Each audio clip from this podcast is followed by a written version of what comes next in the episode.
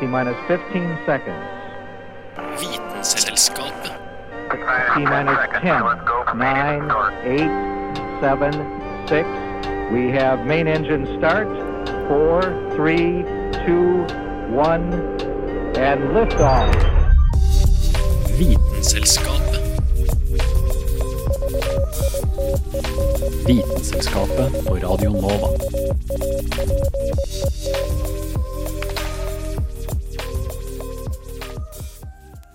Yes, yes, hallo. Det her er jo Vitenselskapet. og Her står jeg, Ida, i studio med Kristin. Og Hanne! Og, Carl. og vi skal sette i hop ei lita sending med Hva vi skal si for noe? Eh, Gode Vi ser litt tilbake i arkivet, for at eh, det er jo litt sånn vanlig nå i slutten av året, så tar man litt sånn kavalkade. Og vi tar ei, hva vi skal si, ei blanding av eh, gode ideer som vi har hatt før, eller hva? Ja, altså, eh, jeg vil si at vi er en redaksjon med kreative sjeler. Eh, men så er det jo sånn at eh, noen ganger så er det litt mer tørke enn andre ganger. Og noen ganger er det kanskje litt mer overflod. Sånn at vi har funnet saker som kanskje har kanskje et litt sånn tynt tema. Vi er kanskje litt grann, eh, Det hørtes kanskje ut som en god idé, og vi vet ikke helt hvorfor det hørtes ut som en god idé. Nei, noen ganger så bare kjører vi på fordi at det er den eneste ideen vi har. Det kan vi jo si. At den ideen får gå fordi at vi kommer ikke på noe bedre. Nå avslører du ting fra behind the scenes-sida som jeg tenker at lytterne våre ikke trenger å vite. Vi prøver å faktisk være åpne og ærlige her, for at det er sånn man får medlidenhet for hvordan vi er dårlige. Ja. Eh, velkommen til Vitenskapet. Vi har kvalitet i alle ledd. Absolutt alle ledd. Og så har vi sjølironi. Ja, litt. Ja. Ja, da setter vi bare i gang. It's fun. I mean, the natural world is just fun. Du hører på Vitenselskapet på Radio Nova. What more do you want?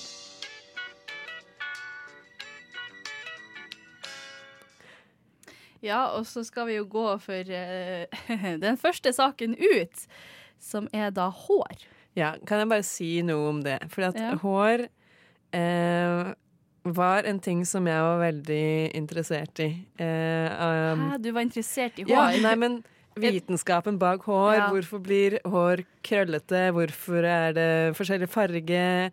Altså, hvorfor er det glatt? Hvorfor, sånne type ting. Ja. Eh, Forskjellige typer hår. Hvorfor har noen tynt, Ja, hvorfor noen tjukt? eh, sånn at det begynte vel kanskje med at jeg skrev et sånn notat til meg selv med masse spørsmål om hår. Og så tenkte jeg ok, det her må jeg selge inn til Vitenskapet.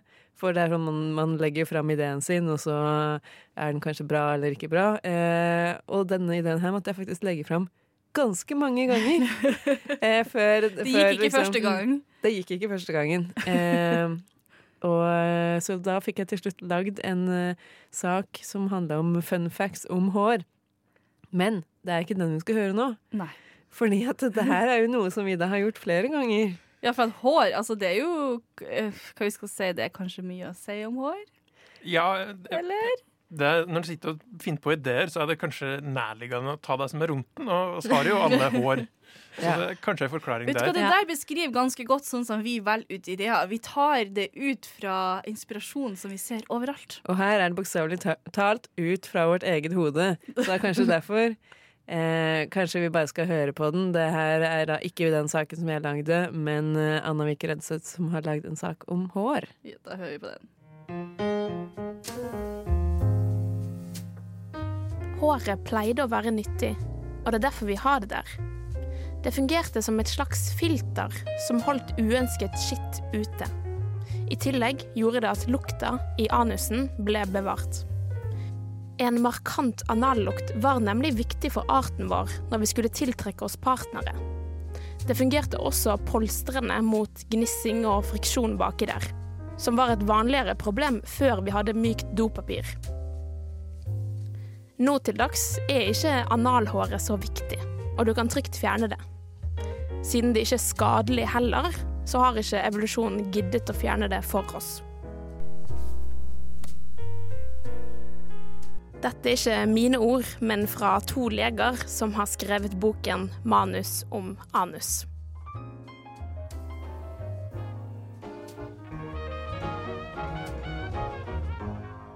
Men sånn egentlig virker jo det ikke så veldig logisk at man har hår. Verken i anus eller andre steder på kroppen. Hvis man sammenligner det med muskler, hjerte og andre ting i kroppen, så kan vi jo helt fint fjerne alt håret og fortsatt leve et fint liv med god helse. For vi trenger ikke hår til å holde oss varme lenger. Heller ikke for å beskytte oss mot solen, noe som var nytten til kroppshår for lenge siden. Håret har rett og slett mistet mye av funksjonen sin. Eller noen plasser er det faktisk ganske praktisk, som f.eks. i nesen. Her har vi hår for å forhindre at støv, bakterier og andre ting skal komme seg inn i luftveiene, sånn at vi ikke blir syke. Som du sikkert har hørt før, så er hår dødt materiale. Det er festet til hårsekker som ligger rett under huden. Og håret ditt vokser når disse cellene nederst i denne hårsekken deler seg og skyver de eldre cellene utover. Samtidig så blir disse cellene fylt med proteinet keratin og gjennomgår programmert celledød. Den delen av håret som da stiger opp av huden, er altså dødt materiale. Så hva er egentlig nytten av hår i dag? La oss se på litt forskning. Det ble utført et forsøk der man plasserte blodsugende veggdyr på barberte og ubarberte armer. Resultatet viste at veggdyrene brukte vesentlig lengre tid på å lete seg fram etter et sted i å bite til på en hårete arm. I tillegg til dette så er jo hårene koblet til nerver som registrerer bevegelser. Så konklusjonen er jo mer pels, desto større sjanse var det at forsøkspersonene oppdaget parasitten før den fikk bite til. Det finnes også forskning som indikerer at myggen stikker oftere der det er mindre hår. Grunnen til dette kan være at disse hårfattige områdene er mer tilgjengelig for myggen. Men det kan også være at evolusjonen har favorisert blodsugere som foretrekker hårløs hud. En mygg som blir oppdaget, har i hvert fall mye dårligere sjanse til å bringe sine gener videre til nye generasjoner.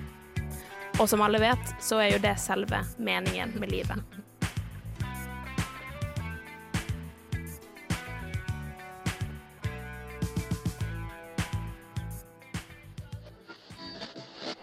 Oslo 2 igjen, Oslo 2. Dette er Vitenselskapet. Radio November, Oskar, Viktor, Alfa.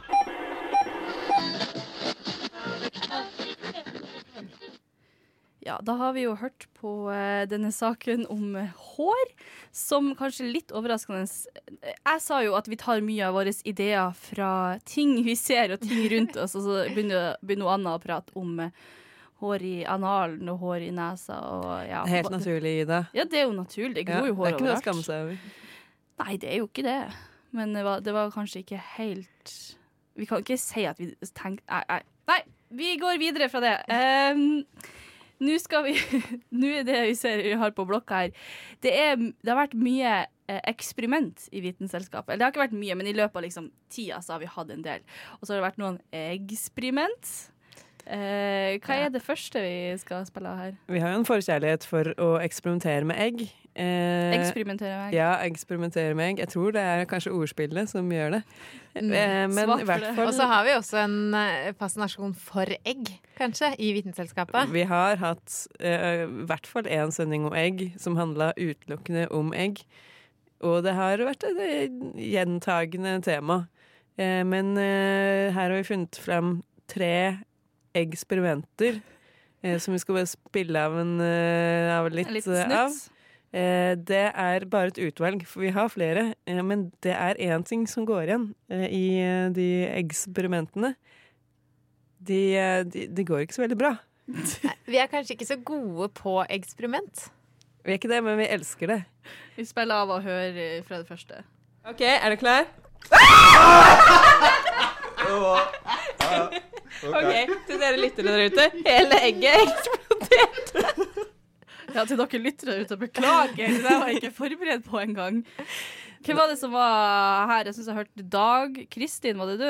Ja, jeg var Ja. der. Ehm, det vi gjorde, var å putte et egg med skall, som det har, i uh, eddik. Og da forsvinner jo det skallet som er utapå. Så blir det Ja. sånn der, eh, litt sånn rar Ser litt sånn romvesenaktig ut. Uh, Ja, for da, da ser du på en måte blankt igjennom. ja, du ja. ser det er blankt igjennom, og så kan Mm. du se eh, eggeplomma der. Ja, for det som skjer når du putter det oppi eddik, er jo at eddik er jo surt, og eggeskall inneholder kalk, um, som gjør at eddiken etser bort skallet.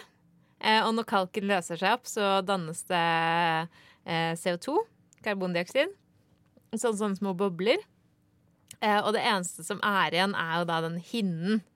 Ja. Eh, eggehinnen.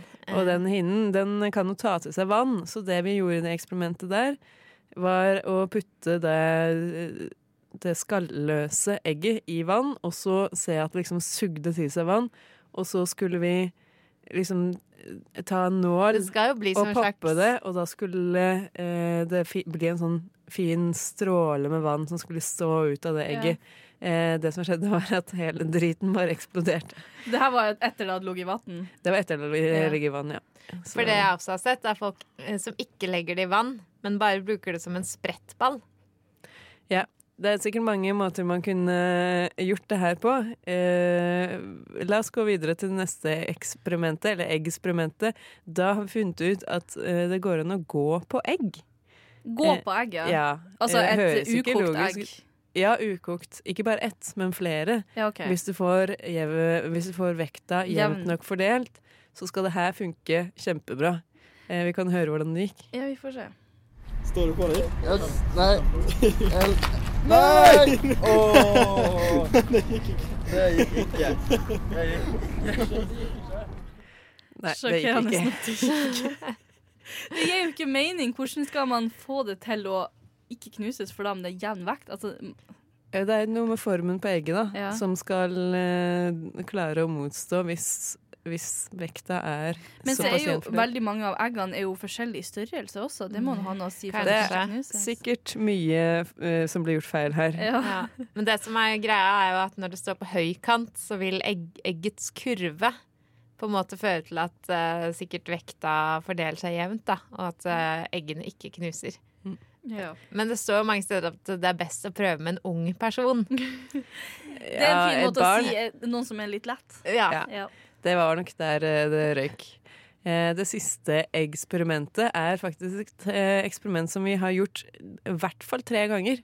Og det er Det kan hende at folk har sett det før, kanskje de har gjort det på skolen. Men man tar en flaske med en litt sånn vid åpning, og så tar du et kokt egg. Og så putter du noe oppi flaska eh, som brenner, og så setter du egget på toppen. Eh, og da skal da eh, egget bli sugd inn i flaska. Ja. Det har vi prøvd så mange ganger, og vi får det aldri til. Så vi skal høre på dette forsøket gjort av Anna. Ja. Ok, jeg prøver en gang til. Ja, hva tror dere? Skjedde jo fortsatt ingenting, da. Nå lar jeg bare det egget stå på den flasken. Og så får det bare stå der en stund. Så kan jeg komme tilbake seinere og sjekke om den har rørt seg. Noe den sikkert ikke har gjort. Ja, da har jeg ventet i 50 minutter ca. Og egget står fortsatt på toppen av flasken og vil ikke rykke seg ned i flasken. Men altså, det her er jo poenget med eksperimenter. Man skal jo se om det liksom Klarer man å liksom Det blir litt mythbusters, da. Men hvis det er noen som får det til, og vi ikke får det til, vi må finne ut hva er det vi gjør galt. Ja, og vi har eh, gjort det flere ganger, og vi har aldri funnet ut hva vi har gjort galt. Eller så bare gjør vi den samme tabben om igjen. Jeg vet ikke. For meninga er jo når den lufta inni flaska blir varm, så vil den jo utvide seg, og så vil den liksom presse luft ut av flaska eh, forbi egget. Og så når lufta blir kald igjen, så skal den jo da prøve å suge inn mer luft, og dermed Ja. også suge inn egget. Ja, Det er ikke helt riktig at den suger inn, egentlig. fordi at det som skjer, er jo at det blir et trykk Altså det blir trykk forskjellig trykk på utsiden og innsiden. Eh, sånn at faktisk så skal egget dyttes inn av eh, trykket fra utsiden. Oh ja, så det er utsida som har noe å si, for at det blir liksom forskjell? Ja. Ja, okay. Altså, et eller annet er det. Vi får det ikke til. Kanskje en gang i framtiden, kanskje en av våre lyttere kan hjelpe oss. Jeg vet ikke. Vi trenger hjelp. Vi klarer det ikke. Eh, vi gir oss ikke. into our DMs. Hvis noen som vet hvordan man gjør dette, skriv til oss på Facebook. Vi heter Vitenselskapet der. Prøv å hjelpe oss, for at vi er jo villige til å prøve et eksperiment atter en gang, er vi ikke det? Jo. Jo, vi gjør det. Feit. Man blir feit av sukkerbrus. Og velkommen til Vitenselskapet. So thank you, plants. Og ser at det bare kryr av sånne melinsekter. Den er kjempegod! Utgave av Vitenselskapet på Radio Nova. Wow. 450 million år gammelt dyr. Men dette er seriøs forskning, folkens. Og du hører på Vitenselskapet. Episode av Vitenselskapet. Det er Vitenselskapet. Nå nærmer vi oss jo jul, og jul betyr jo egentlig bare mat, mat, mat. Mat hele tiden. Vi starta med julebord. Vi sjøl skal jo snart ha julebord. Og det skal etes, og det skal etes ribbe, og det skal etes ja, vi skal ha saus, og vi skal feites opp, og vi skal tette oss våre egne blodårer. Vi skal tette rørene i heimen, og vi hiver det i vasken. Men ja, Jeg gleder vi meg. Ja, nå er det, det er så fin tid. Men nå skal vi altså prate litt om eh, mat. Og eh, første klipp ut er hvorfor saus tykner. Så hvorfor blir saus tjukk? Noen som svarer på det? Vet du hva, Det husker jeg ikke, men jeg tror det har noe med noe eh, gluten. Glutennettverk, kanskje? Kanskje. Ja. Jeg er faktisk ikke sikker, selv om det var jeg som lagde saken. Eh, og jeg husker ikke helt hvorfor eh, Hvorfor jeg valgte å lage en sak som heter 'Hvorfor saus tykner'. Skal vi høre Men klippet først jeg og se om tror, det er noen Jeg hint tror det lille klippet som vi har eh, valgt ut, eh, gir et hint. Ja, vi prøver. Jepp, det er en form for magi. I hvert fall hvis du, som jeg, mener at kjemi har noe magisk over seg. Det er jo eh, praktisk talt magi, er det ikke det? Vi får bare konkludere med at eh, saus og tykning, det er magi. Litt tynt tema, om man får si det sånn, men så lenge sausen er tjukk, så er det bra. Nå er det jo Nå er det jo eh, snart jul, da, og da kommer jo eh, noen temaer om igjen og om igjen og Ja, opp sånn, igjen. hvorfor blir ikke sausen tjukk? Eller nå har han blitt for Men man vet jo hva man skal gjøre. Hvis sausen er for tynn, tilsett mer som ikke er flytende. Ja, men vi er jo ikke de eneste som gjentar seg. Hvis du eh, ser i mediene nå rundt disse tider, så finner du jo de sakene som du fant i fjor. For eksempel da Hvordan blir eh, svoren på ribba sprø? Eller eh, rettere sagt Slik lager du den beste ribba, eller Ja. et eller annet sånt noe. Eh, Og ribbe minutt for minutt. Ribbe minutt for minutt, Det ja. er vel en greie på julaften, er det ikke det? Så vi kastet oss jo selvfølgelig på trenden eh, og, Trenddyr som vi. Mm. og lagde et, et innslag om, om hvordan man lager sprø svor. Slik får du sprø svor. Imponer familien med julas sprøeste svor. Sprø svor. Ribbevalget er avgjørende. Sprø svor på 1, 2, 3. Hellstrøm viser deg sitt triks og sprø julesvor. Nervøs for julemiddagen? OK, nok med klisjeene. Vi er alle blitt overfora med tips og råd til hvordan vi kan få sprø svor på ribba i utallige desembermåneder. Men har du noen gang tenkt over hvorfor svoren blir sprø? Ikke? Vel, ikke skift kanal. Finn ut hvorfor svoren blir sprø på ribba. Ribbe betegner som oftest et stykke svinekjøtt tatt fra den beinholdige ribbeinsiden av grisen. Etter partering og før ribba når en kjøledisk nær deg, så gjennomgår den tre prosesser. Den skolles i varmt vann for at busta skal slippe taket. Den piskes eller avbustes for å fjerne mesteparten av løs bust. Og til slutt så svis eller barberes ribba for å fjerne de siste restene av bust. For hvem vil vel ha hår i maten sin? I hvert fall ikke på julaften. Men nå som ribba er hårløs og klar for salg, så begynner vi å nærme oss det crunchy her. Svinesvoren består av store mengder kollagenproteiner, og på mikronivå så krysser kollagenfibrene seg på kryss og tvers, sånn at de danner et sterkt og finmaska nett. Når man da legger svoren i vannbad eller damper ribba før steking, så trenger vann inn i denne nettstrukturen i svoren, og svoren sveller. Du har kanskje lagt merke til at dampet svor er geléaktig, og at de tilskårne rutene spriker. Det er i hvert fall nå moroa begynner. For når eh, svoren er ferdigsvella, skal man slutte å dampe og begynne å steke ribba. Og da stiger temperaturen fort. Ved steking så øker temperaturen i ribbas fettlag til over 100 grader. Og som vi vet, når vann når 100 grader celsius, så begynner det å fordampe.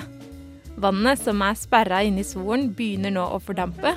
Og på veien ut av ribba så blåser dampen opp det seige kollagenlaget som nå utgjør svoren. Det danner seg limaktige hinner som, fordi det er så varmt i fettlaget, fort stekes og blir til tørre og sprø fett- og kollagenstrukturer. Og vips, sprø svor på 1, 2, 3. Dette skjer imidlertid ikke med alle verdens ribber når de stekes i ovnen, som mange av oss smertelig har erfart. For det første kan ikke ribba være for tynn, for tynne fettlag kommer aldri opp i så høye temperaturer som trengs for å generere sprø sor.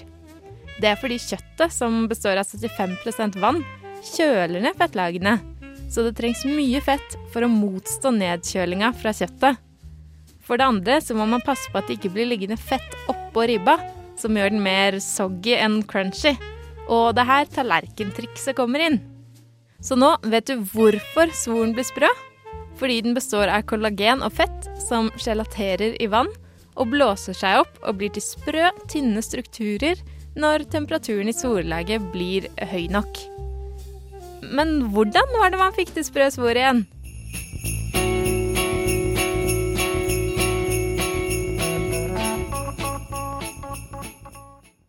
Ja, hvordan var det man fikk sprø svor igjen? Nei, det er det ingen som vet.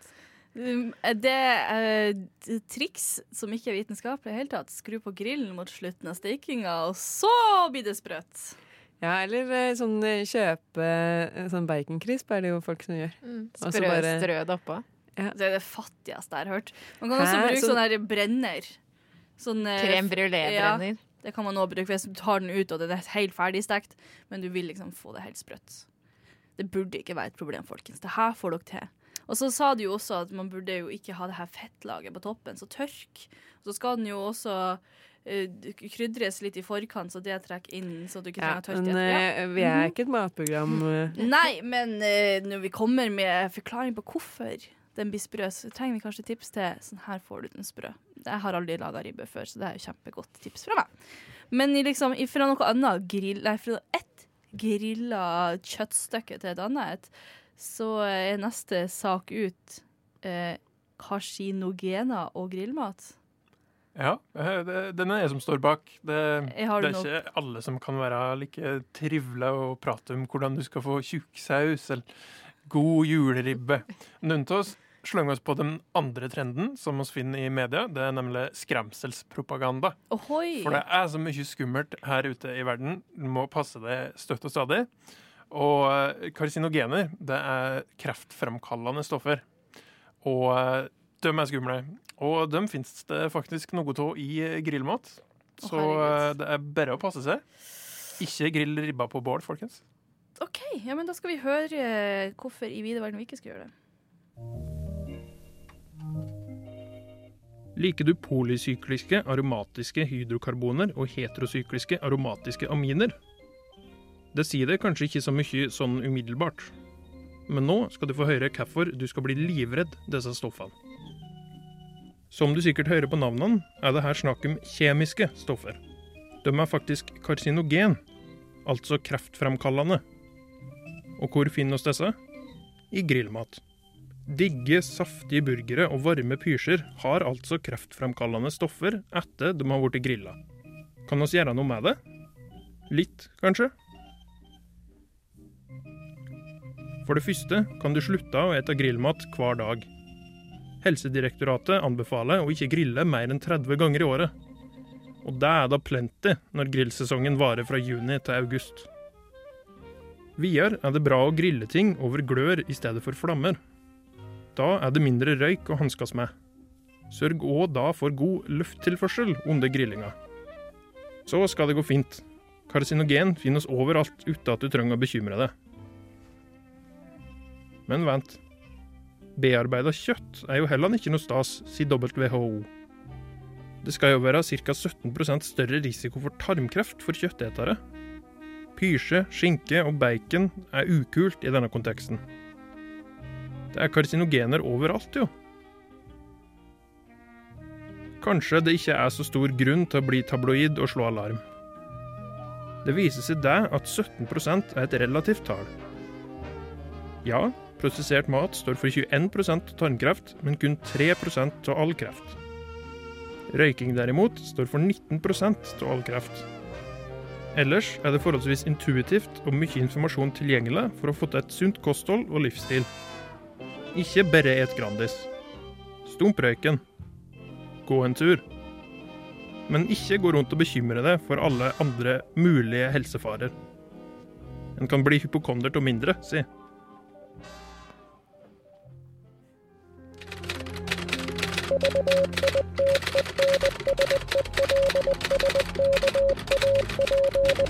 Just want to tell you both good luck. We're all counting on you. И пусть посмеются над своими страстями. Ведь то, что они называют страстью, на самом деле не душевное. Vitenselskapet А лишь трение между душой и внешним миром. knekker vitenskapens koder. Ja, da avslutter vi kanskje med den eh, tynneste saken som vi har. Eller eh, hva vi skal si. Hvorfor er jord brunt? Det, det finner vi vel ut. Det er ingen som har noe å si om denne saken som vi har plukka altså, ut. Den, eh, temamessig så er det ikke innlysende at dette her er en god sak. Det må jeg si. Nei, for jeg tenker sånn, Hvilken annen farge burde jord ha? Nei, altså. Hvorfor er jord brunt? Du har ikke tenkt på det før, har du det? Nei, jeg har faktisk aldri tenkt på det. Nei, Så kanskje det var en Ja. godt tema likevel, ikke da. Jeg vet ikke. Ja, men da hører vi på.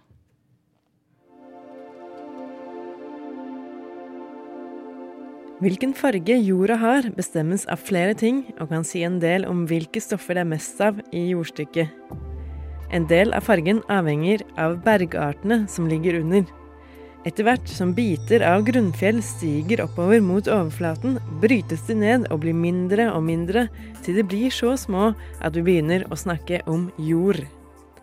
Her i landet finner man som regel brun jord, og det er bl.a. pga. bestemte mineraler i grunnfjellet under oss. Eksempel kan det hende at steinen inneholder eh, olivin, som er mørkegrønt, eller kanskje poryxen, som er svart eller grått. Andre steder i verden har bakken ulike farger, som eksempel i Australia, hvor jorda ofte har en rødoransje farge. Det kommer av at jorda der har en stor andel av jern i seg. Siden disse områdene ofte er ganske tørre, er det også en god del luft i jordlaget, noe som gjør at jernet oksiderer. Det ruster, rett og slett, og får derfor den karakteristiske rustaktige fargen. En grunnleggende årsak til at jorda er brun, er imidlertid mengden av biologisk materiale. Når planter og dyr dør og havner i bakken, begynner de som kjent å brytes ned av mikroskopiske organismer. Disse forsøker å bryte ned karbonet i jorda, men får ikke til å bryte ned alt. Karbonet blir dermed liggende, blanda inn i alt annet der nede i bakken. Siden karbon absorberer det meste av fargespekteret, blir lyset som reflekteres tilbake til oss, brunfarga, og hele jordsmonnet framstår i minst 50 nyanser av brunt.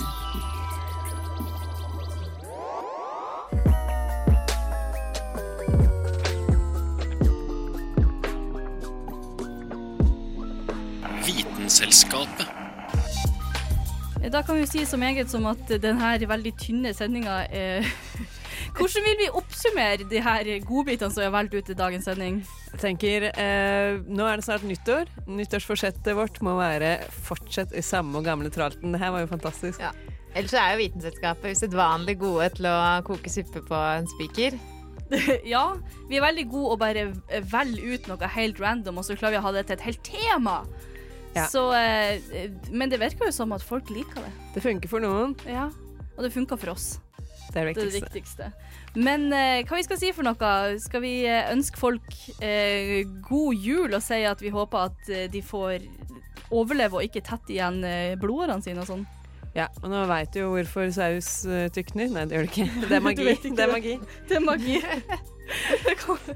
Men da kan jeg og Kristin og Hanne og Carl takke for oss, og så sier vi god jul! God jul!